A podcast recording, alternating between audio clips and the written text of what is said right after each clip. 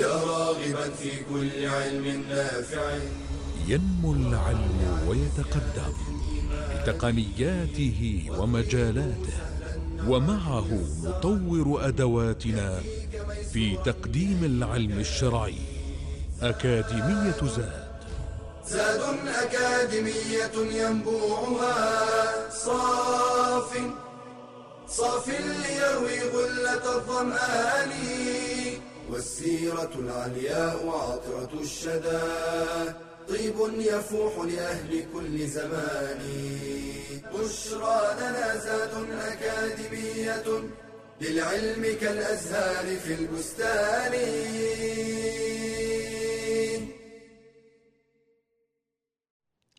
إن الحمد لله نحمده ونستعينه ونستغفره ونستهديه ونعوذ بالله من شرور أنفسنا وسيئات أعمالنا.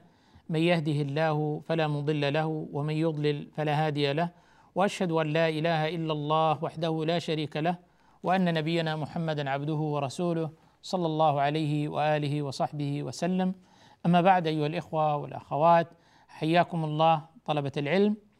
آه، في برنامج أكاديمية زاد في دورته الثانية وفي هذا المستوى الرابع من مقرر السيرة النبوية على صاحبها أفضل الصلاة وأتم التسليم. نتدارس فيه شيئا من أحوال رسول الله صلى الله عليه وسلم حال فرحه وحزنه وضحكه وبكائه والعديد من الأحوال التي تقلب فيها رسول الله صلى الله عليه وسلم بواقع بشريته بأبيه وأمه صلى الله عليه وآله وسلم.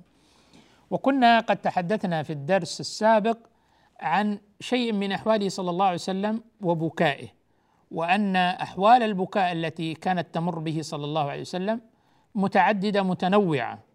ومن ذلك ما أشرنا في اللقاء السابق بكاؤه صلى الله عليه وسلم لفقد إبراهيم وهذا حزن وفقد طبيعي آه، بشري آه، ولكن لا يقول الإنسان كما اخبرنا النبي صلى الله عليه وسلم إلا ما يرضي ربه سبحانه وتعالى إن العين لتدمع شيء طبيعي وإن القلب لا يحزن. هذا شيء طبيعي. ولا نقول إلا ما يرضي ربنا. وهذا الذي ينبغي أن يكون عليه المسلم ويفترق به بينه وبين من يعني يخرج عن دائرة ما آه، أباح الله له سبحانه وتعالى. وكذلك تعرضنا إلى بكائه صلى الله عليه وسلم في الصلاة وهو يناجي ربه معظما له سبحانه وتعالى. من الأحوال التي كان يبكي فيها النبي صلى الله عليه وسلم بكاؤه عليه الصلاة والسلام عند سماع القرآن ولو كان في غير صلاة ولو كان في غير صلاة. وكان النبي صلى الله عليه وسلم أيضا يحب أن يسمع القرآن من غيره ومن ذلك أن عبد الله بن مسعود رضي الله تعالى عنه قال قال لي النبي صلى الله عليه وسلم اقرأ علي عبد الله بن مسعود عالم من كبار علماء الصحابة. فقيه مفسر محدث إمام جليل من سادات والطبقة الكبرى في العلماء علماء الصحابة رضي الله تعالى عنهم. وله فقه عظيم. وكان من أعلم الناس بالتفسير أيضا وبكتاب الله عز وجل وتلقى القرآن من في رسول الله صلى الله عليه وآله وسلم. وكان يعرف مواقعه. أماكن التنزيل زمن التنزيل وأسباب التنزيل. وهذه من موارد فقه العالم العالم بالوحي. فكان من أعلم الصحابة رضي الله تعالى عنهم فقها وتفسيرا وحديثا وأيضا حالا وصلاحا. وكان أشبه الناس برسول الله صلى الله عليه وآله وسلم.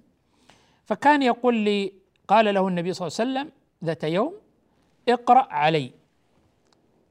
فقال مستغربا رضي الله تعالى عنه يا رسول الله أقرأ عليك وعليك أنزل. يعني القرآن أنزله الله تعالى عليك وأسمعك الله اياه عن طريق جبريل عليه السلام. أقرأ أنا عليك أنا العبد الفقير المسكين الذي تلقى منك وتعلم منك وسمعه منك وحفظه منك أقرأ عليك وعليك أنزل. قال اقرأ علي فإني أحب أن أسمعه من غيري. اقرأ علي. فقرأ ابن مسعود رضي الله تعالى عنه من سورة النساء حتى أتى على قوله تعالى فكيف إذا جئنا من كل أمة بشهيد وجئنا بك على هؤلاء شهيدا؟ يومئذ يود الذين كفروا وعصوا الرسول لو تسوى بهم الأرض ولا يكتمون الله حديثا. قال حسبك حسبك يعني قف. قال فنظرت إليه فإذا عيناه تذرفان تذرفان تتدفقان وتسيلان بالدموع وكأنه صلى الله عليه وسلم كان يبكي بلا صوت. كانت الدموع تجري من عينيه على خديه صلى الله عليه وسلم. وما ذلك إلا نتيجة لتأثر هذا القلب بالقرآن ففاضت العيون بالدموع خشية لله عز وجل وتعظيما لأمر الله سبحانه وتعالى. وهذا فيه فوائد. اولا أن هذا موطن من المواطن وحال من الأحوال التي بكى فيها رسول الله صلى الله عليه وسلم وهي عند سماع تلاوة القرآن الكريم ولو في غير صلاة.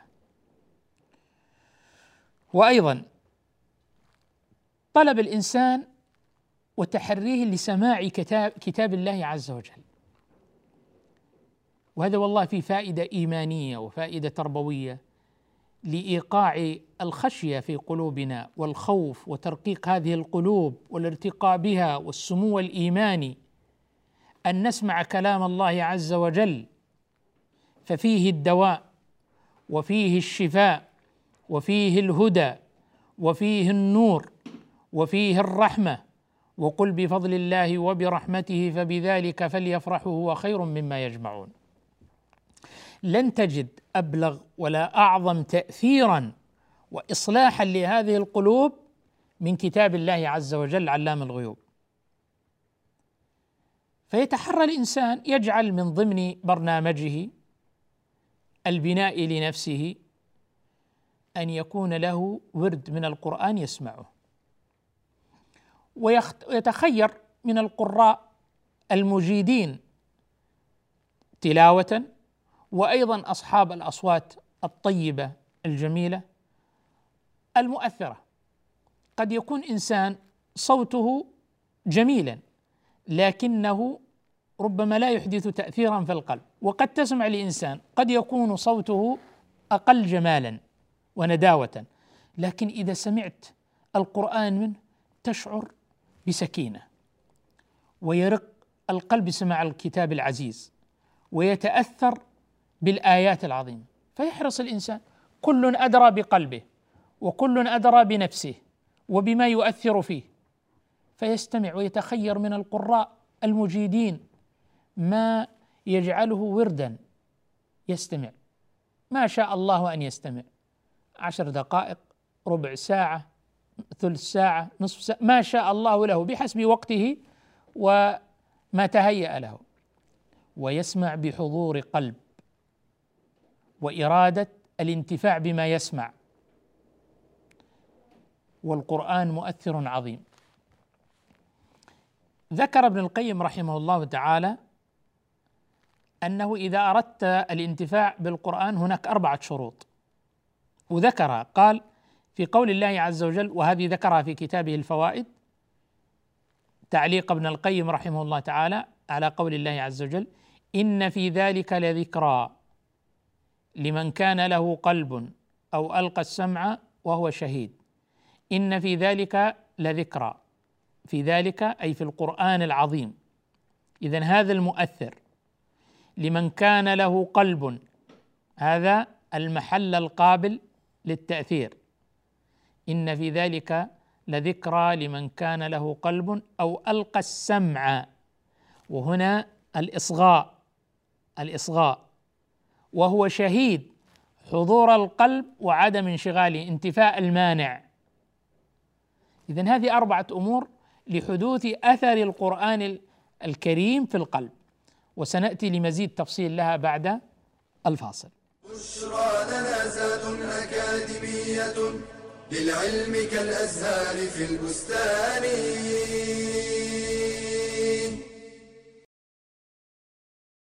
الفقيه المجتهد صاحب الرأي والحجة والبيان أحد أئمة المذاهب الأربعة الفقهية أبو حنيفة النعمان بن ثابت التيمي الكوفي.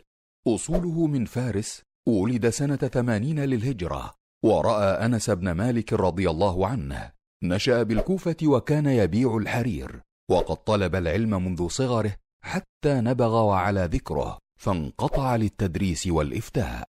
وكان من شيوخه الذين تلقى العلم عنهم حماد بن أبي سليمان وعطاء بن أبي رباح والشعبي والأعرج وقتادة والزهري وغيرهم.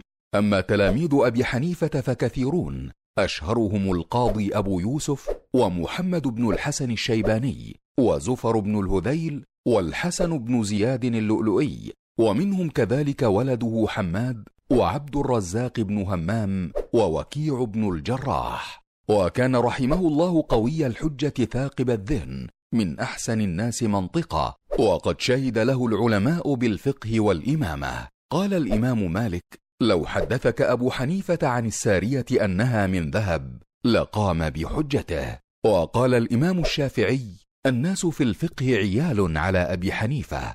وقال أبو نعيم كان أبو حنيفة صاحب غوص في المسائل.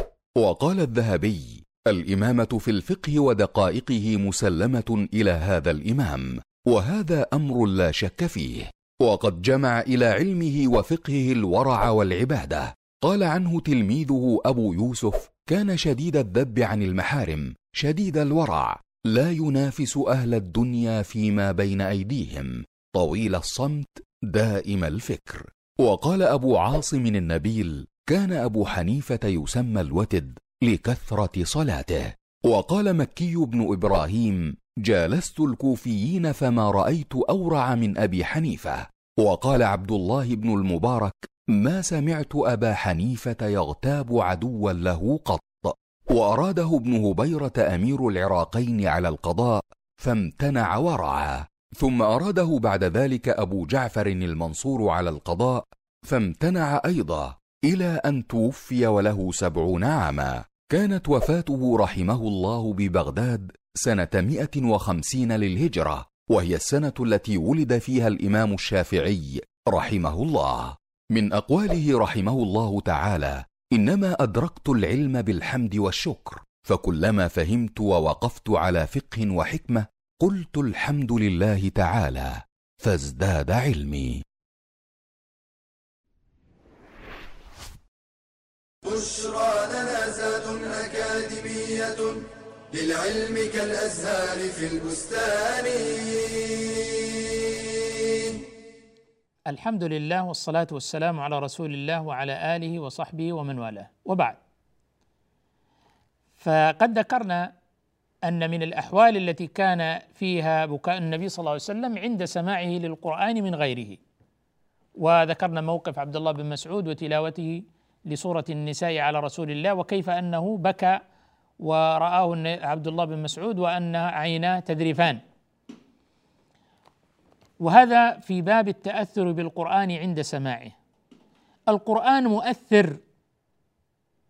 القرآن مؤثر. فإذا هذا الشرط الأول الركن الأول للانتفاع بالقرآن وجود المؤثر وهذا القرآن. فهذا القرآن الذي بين أيدينا ولله الحمد والمنة وهذه من نعمة الله على أهل الإسلام وعلى هذه الأمة أن هذا القرآن الذي بين أيدينا هو نفسه القرآن. الذي أنزله الله تعالى على جبريل الذي أنزله وبلغه لرسول الله صلى الله عليه وسلم والذي تلاه رسول الله صلى الله عليه وسلم على أصحابه والذي تناقله الصحابة والأمة جيلا بعد جيل إلى أن وصلنا. محفوظ في السطور ومحفوظ في الصدور. تحقيقا لقول الله عز وجل إنا نحن نزلنا الذكر وإنا له لحافظون. بخلاف الأمم الأخرى التي فقدت كتابها وحرفت كتابها وضاعت وتاهت وضلت وانحرفت. فأكرمنا الله في هذه الأمة بأن حفظ لنا هذا الكتاب العزيز المهيمن على بقية الكتب والأديان. فهذا المؤثر موجود القرآن موجود. يبقى الركن الثاني وهو المحل القابل للأثر فليس كل محل قابل. هذا القلب إن لمن كان له قلب. طيب الناس كلها عندها قلوب. طيب ليش ما يحدث التأثر؟ لا المقصود هنا القلب الحي. القلب القابل. ليست كل الأراضي قابلة للزراعة. هناك الأراضي الصخرية. هناك السباخ. هناك السهول. هناك الأودية. هناك الأماكن المالحة. هناك هناك هناك. ليس كل أرض قابلة للزراعة والاستصلاح الزراعي. هذا القلب مثل الأرض. هل هو قابل أم هذا المكان غير قابل؟ فالمقصود به القلب الحي. هذا القلب يحتاج إلى تطهير. هذا القلب يحتاج إلى تنقية. هذا القلب يحتاج إلى علاج. تخليته من الأمراض. هذا الكوب فيه سائل ربما يكون شاي ربما يكون عصيرا ربما يكون قهوة. هذا الإناء مثل القلب وما يوضع فيه. فإذا أردنا أن نخرج ما فيه فعلينا أن نسق. تريد أن يكون هنا عصير اذا تخرج ما فيه من الشاي ثم تغسله ثم تضع هذا العصير. ما يمكن يكون مخلوطا لا ما ينتفع لو, لو وضعته عليه مباشرة. فإفراغ وتخلية هذا القلب من هذا الذي يشغله وإدخال الشيء الذي نريده. قلب ممتلئ بالأمراض وبالجراثيم وبالشبهات وبالشهوات كيف سيحل القرآن هنا؟ يخرج ما فيه من الفساد والمرض ثم يحل هذا الشيء النافع. تخرج هذا الصديد وهذا القيح وهذه الجراثيم ثم تضع ذلك العسل الطيب. وأيضا هذه صورة. الصورة الثانية المكاثرة. قد يكون هنا شاي. أريد أن يكون هنا ماء. فتضع عليه الماء. ويبدأ حتى يفيض. يبدأ يقل تركيز المادة الثانية اللي هي الشاي. يقل تركيزها شيئا فشيئا وتزيد من هذا الماء وتزيد هذا الماء هذا بالإضافة. هذه صورة التغيير بالإضافة. يضيف ويكاثر ويكاثر ويكاثر حتى يتغير تركيبة هذا السائل. فيصبح ماء. هذه صورة. ثانية لعملية تنقية هذا القلب ليكون حيا وقابلا للقرآن العظيم والتأثر به. حب الكتاب وحب ألحان الغنى في قلب عبد ليس يجتمعان. فلا بد من إفراغ هذا القلب من المادة الفاسدة لتحل فيه المادة الصالحة ويحصل التأثر. يقفان في الصف ويستمعان في صف واحد وبجوار بعض وخلف إمام واحد والصوت واحد والآيات واحدة وذلك قلبه يجل ويخاف وعيناه تدمعان ولصدره أزيز كأزيز المرجع. والآخر يهيم قلبه في أودية الدنيا أو ربما لا يقع في قلبه شيء. إذا هذا الركن الثاني. المؤثر الأول وجود المؤثر هو القرآن. موجود. المحل الثاني المحل القابل للأثر وهو القلب الحي.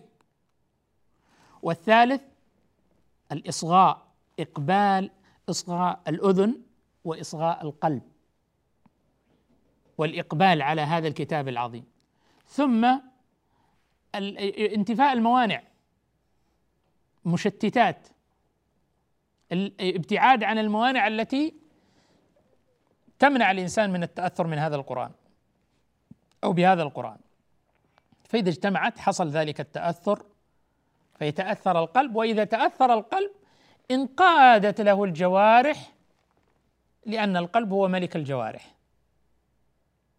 وإذا صلح القلب صلح سائر الجسد وإذا فسد القلب فسد سائر الجسد. ولذلك في التوجيه التربوي والإصلاح التربوي. نبدأ بالقلوب وبالعقول وبالأفئدة اولا ليحصل التأثير. السلوكيات الظاهرة من الأقوال والأفعال والأعمال وما يفعله الإنسان هذه نتيجة لما سكن في القلب وما استقر في العقل. من قناعات وأفكار وعقائد وإيمان. فإذا انفعل القلب بهذا الخير أثر في الجوارح. فالقرآن مؤثر وكفى به علاجا ودواء القلوب إذا هذا هو حال من أحوال النبي صلى الله عليه وسلم وتأثره وبكائه عليه الصلاة والسلام عند سماعه لكتاب الله عز وجل. أيضا من الأحوال التي بكى فيها النبي صلى الله عليه وسلم بكى على القبر. عند القبر عند دفن بعض أصحابه رضي الله, رضي الله عنهم أجمعين. عن البراء بن عازب رضي الله عنه قال كنا مع رسول الله صلى الله عليه وسلم في جنازة. فجلس على شفير القبر شفير القبر حافته وطرفه صلى الله عليه وسلم. فبكى حتى بل الثرى. الله موقف مؤثر. النبي صلى الله عليه وسلم يدفن أحد أصحابه؟ ثم يقف على شفير ذلك القبر ثم تذرف عيونه بالدموع صلى الله عليه وسلم ويبكي بكاء ودموعا غزيرة حتى يبل الثرى التراب بدموعه الشريفه صلى الله عليه وسلم. ثم يقول يا إخواني لمثل هذا فاعدوا يا إخواني لمثل هذا فاعدوا يا إخواني لمثل هذا فاعدوا أخرجه ابن ماجه وحسنه الألباني. هذا الحديث العظيم في حال من أحوال بكاء النبي صلى الله عليه وسلم عند القبر وحق والله أن من كان له قلب حي وشهد إنسان يدفن ويخرج من هذه الحياة لينتقل إلى دار هي البرزخ بين الدنيا وبين الآخرة مرحلة يستقر فيها ثم ينتقل إلى الدار الآخرة. وفي هذه المرحلة في هذه الدار البرزخ وفيها الأهوال العظيمة. فيعظ النبي صلى الله عليه وسلم أصحابه يبكي لهذا المنظر. والله لو كان لنا قلوب حية وشهد الإنسان جنازة وشهد إنسان يدفن والله لو كان قلبه حيا لذرف بالدموع. ولتذكر المصير. ولذلك وعظ النبي صلى الله عليه وسلم أصحابه قائلا أي إخواني لمثل هذا فاعدوا لمثل هذا الموقف أعد لمثل هذا القبر وهذا المسكن الذي ستسكنه أعد تجهز وهذا الإعداد سيكون في حال حياتك في حال صحتك في حال بقائك وعيشك في هذه الدنيا. أعد لمثل هذا اليوم بتوبة صالحة أعد لهذا اليوم بتوبة نصوح أعد لهذا المكان وهذا الموقف بعمل صالح ترجو ثوابه عند الله. أعد لهذا الموطن ولهذا الموقف بالتخلص من التبعات حقوق الناس إرجاعها التحلل. من كان له عند أخيه مظلمة فليتحلل منه اليوم قبل أن لا يكون درهم ولا دينار وإنما هي الحسنات والسيئات. تحلل. اذا التخلص من التبعات المالية وتبعات الأعراض والخصومات التخلص من التبعات التي بين العبد وبين ربه سبحانه وتعالى بالتوبة النصوح والإقبال على الله. أي إخواني لمثل هذا فأعدوا. هذه حقيقة. كلنا سيسكن هذا القبر. كلنا سينتقل من هذه الدنيا إلى هذه الحفرة. ووالله لن ينفعه بعد ذلك إلا عمله الصالح. إذا مات ابن آدم انقطع عمله إلا من ثلاث. ويتبعه ثلاثة أهله وماله وعمله. فيرجع أهله وماله ويبقى عمله الذي عمله أي إخواني لمثل هذا فاعدوا أي إخواني لمثل هذا فاعدوا فهذا كان أحد الأحوال التي بكى فيها النبي صلى الله عليه وآله وسلم. بشرى لنا أكاديمية للعلم كالأزهار في البستان.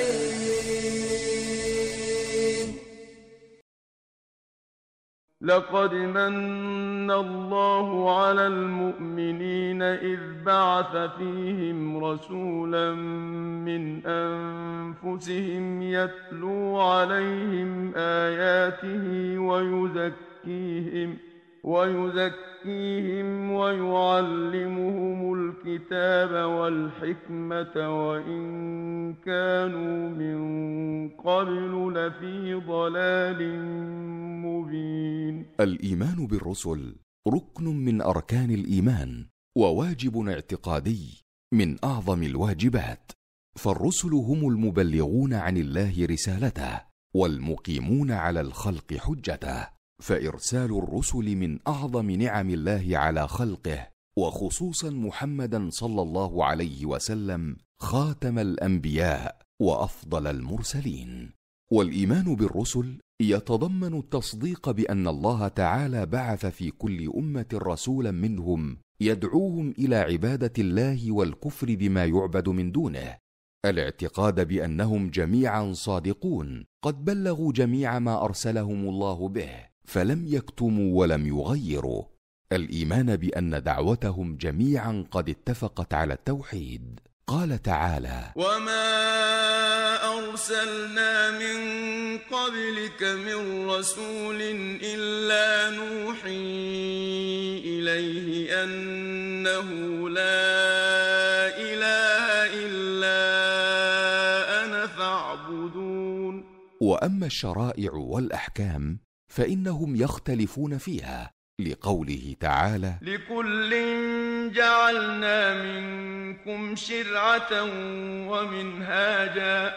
الاعتقاد بأن من كفر برسالة واحد منهم فقد كفر بالجميع. قال تعالى كذبت قوم نوح المرسلين. فجعلهم الله مكذبين لجميع الرسل مع أنه لم يكن رسول غيره. حين كذبوه.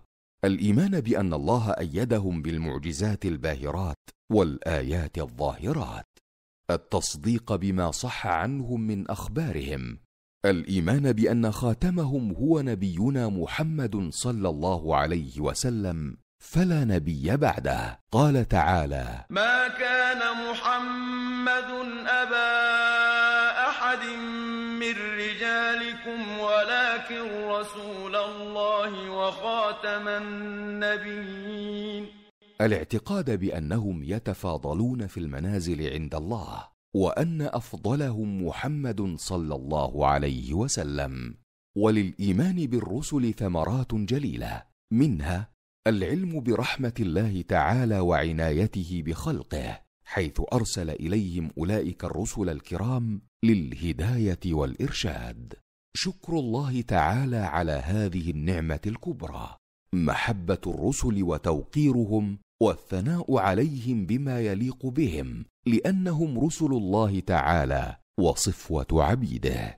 العلم بقدرة الله تعالى واصطفائه لبعض خلقه وتفضيله بعضهم على بعض. التمسك بما جاءوا به فهو الطريق الموصل إلى سعادة الدنيا والآخرة. بشرى لنا زاد أكاديمية للعلم كالأزهار في البستان. الحمد لله والصلاة والسلام على رسول الله وعلى آله وصحبه ومن والاه. وبعد فقد ذكرنا من أحواله صلى الله عليه وسلم في بكائه أنه بكى لفقد ابنه إبراهيم وكذلك أنه آه، بكى صلى الله عليه وسلم في صلاته وكان لصدره أزيز كأزيز المرجل وهو يناجي ربه وبكى وهو يستمع القرآن آه، الكريم من أحد الصحابة وهو عبد الله بن مسعود رضي الله تعالى عنه وبكى صلى الله عليه وسلم أيضا عند القبر لما يعلم صلى الله عليه وسلم من الأهوال وما ينتظر العبد في هذا المقام مقام البرزخ وما بعده ففاضت عيناه صلى الله عليه وسلم بالدموع. وهذا البكاء إنما هو نتيجة العلم. لو تعلمون ما أعلم لضحكتم قليلا ولبكيتم كثيرا ولخرجتم إلى الصعودات تجأرون إلى الله. هذا نتيجة العلم. لذلك العلماء لما كان يتلى عليهم القرآن يخرون للأذقان يبكون ويزيدهم خشوعا. أيضا من الحالات والأحوال التي كان يبكي فيها النبي صلى الله عليه وسلم بكاؤه صلى الله عليه وسلم رحمة بأمته وخوفا عليها. كان النبي صلى الله عليه وسلم رحيما شفيقا بهذه الأمة سواء من عاصرهم من الصحابة ومن جاء بعدهم. حتى لما كان يقول قد اشتقنا إلى اخواننا قالوا أوليسنا إخوانك يا رسول الله؟ قال أنتم أصحابي وإنما إخواني أناس يأتون من بعدنا يؤمنون بي ولم يروني. اللهم اجعلنا منهم يا رب العالمين. فكان يبكي شفقة على هذه الأمة وكان يبكي حبا لهذه الأمة وكان يبكي رحمة بهذه الأمة. فعن عبد الله بن عمرو بن العاص رضي الله عنهما أن النبي صلى الله عليه وسلم تلا قول الله عز وجل في إبراهيم وهو يقول عليه السلام رب إنهن أضللن كثيرا من الناس فمن تبعني فإنه مني ومن عصاني فإنك غفور رحيم.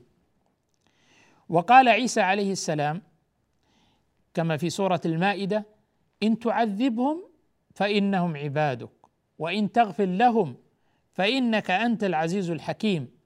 فلما تلاها النبي صلى الله عليه وسلم رفع يديه الشريفتين ورفع اليدين من أسباب إجابة الدعاء.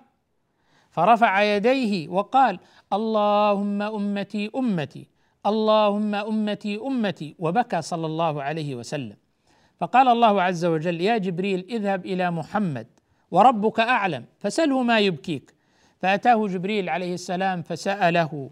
فأخبره رسول الله صلى الله عليه وسلم بما قال وهو أعلم. فقال الله يا جبريل اذهب إلى محمد فقل أنا سنرضيك في أمتك ولا نسوءك. أخرجه مسلم. وهذه فيها أول شيء إشارة إلى شفقة النبي صلى الله عليه وسلم ومحبته وخوفه على أمته من عذاب الله تعالى. أمتي أمتي أمتي أمتي بل أنه من شفقته ورحمته بهذه الأمة أنه ادخر دعوته المستجابة شفاعة لأمته يوم القيامة. كل نبي دعا بدعوته واستجاب الله تعالى له. إلا نبينا وحبيبنا صلى الله عليه وآله وسلم فإنه ادخر دعوته المستجابة شفاعة لأمته يوم القيامة. بابي هو وأمي صلى الله عليه وآله وسلم. يتلو القرآن ويتفهمه ويتدبره ويتأثر ويدعو. اللهم أمتي أمتي اللهم أمتي أمتي فتأتيه البشارة من الله سبحانه وتعالى عن طريق رسوله جبريل عليه السلام أن يا محمد سنرضيك في أمتك ولا نسوءك. أمرين. الأمر الأول أن النبي صل... أن الله تعالى سيرضي نبيه صلى الله عليه وسلم في أمته. والثاني أنه لن يسوءه في هذه الأمة. وأمة النبي صلى الله عليه وسلم هناك أمة الدعوة وأمة الاستجابة. والمقصود بهذه الأمة هي أمة الاستجابة التي استجابت لله تعالى واستجابت لرسوله صلى الله عليه وسلم. أما أمة الدعوة فهي أمة الثقلين من الجن والإنس. رحمة للعالمين للناس كافة. هذه أمة الدعوة التي دعا دعاها النبي صلى الله عليه وسلم.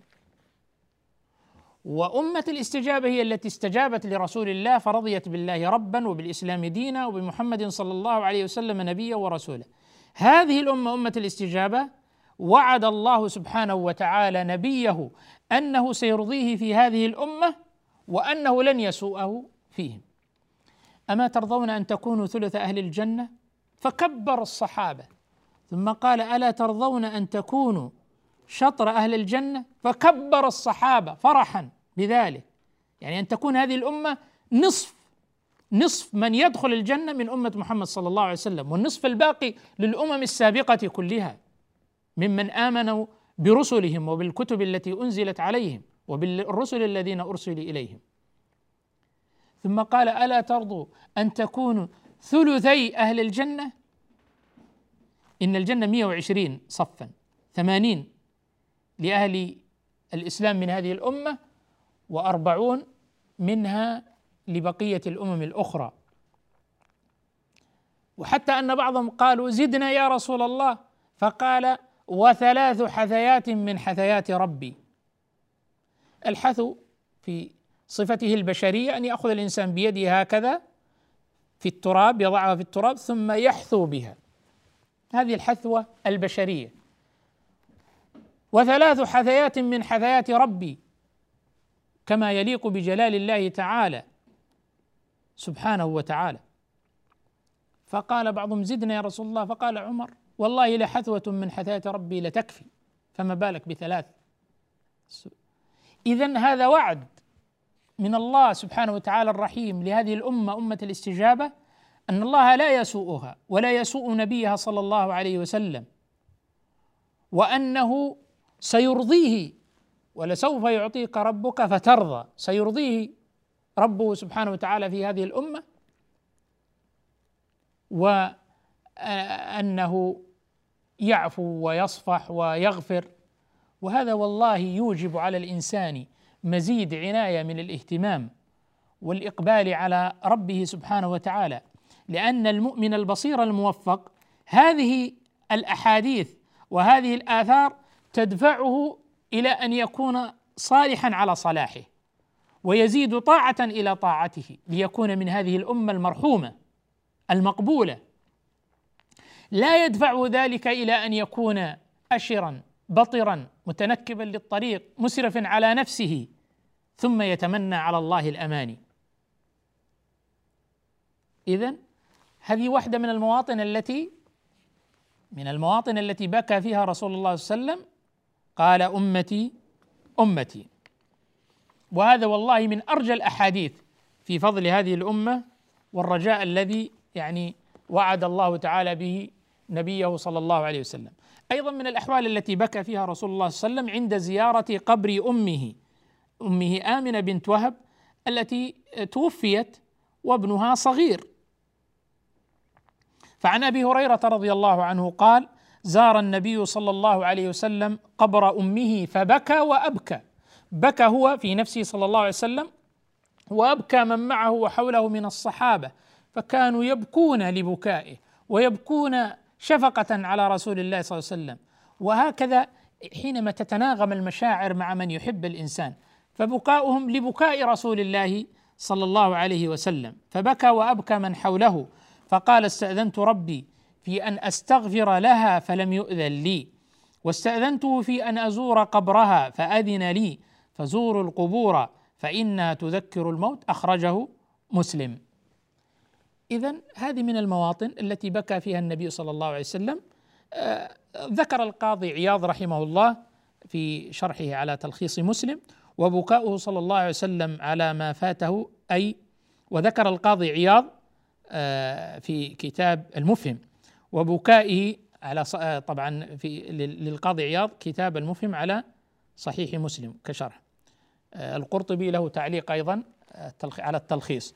لكن المقصود هنا القاضي عياض وبكاؤه صلى الله عليه وسلم على ما فاته فاتها أي أمه من إدراك أيامه والإيمان به. هذه بعض المواطن التي بكى فيها النبي صلى الله عليه وسلم وهذه بعض أحواله عليه الصلاة والسلام في البكاء نسأل الله سبحانه وتعالى أن يرزقنا الاهتداء والاقتداء والتأسي برسول الله صلى الله عليه وسلم وأن يرزقنا وإياكم مرافقته في الجنة. والحمد لله رب العالمين. يا راغبا في كل علم نافع. ينمو العلم ويتقدم بتقنياته ومجالاته ومعه نطور أدواتنا في تقديم العلم الشرعي. أكاديمية زاد. زاد أكاديمية ينبوعها. صاف صاف ليروي غلة الظمآن. والسيرة العلياء عطرة الشدى. طيب يفوح لأهل كل زمان. بشرى لنا زاد أكاديمية للعلم كالأزهار في البستان.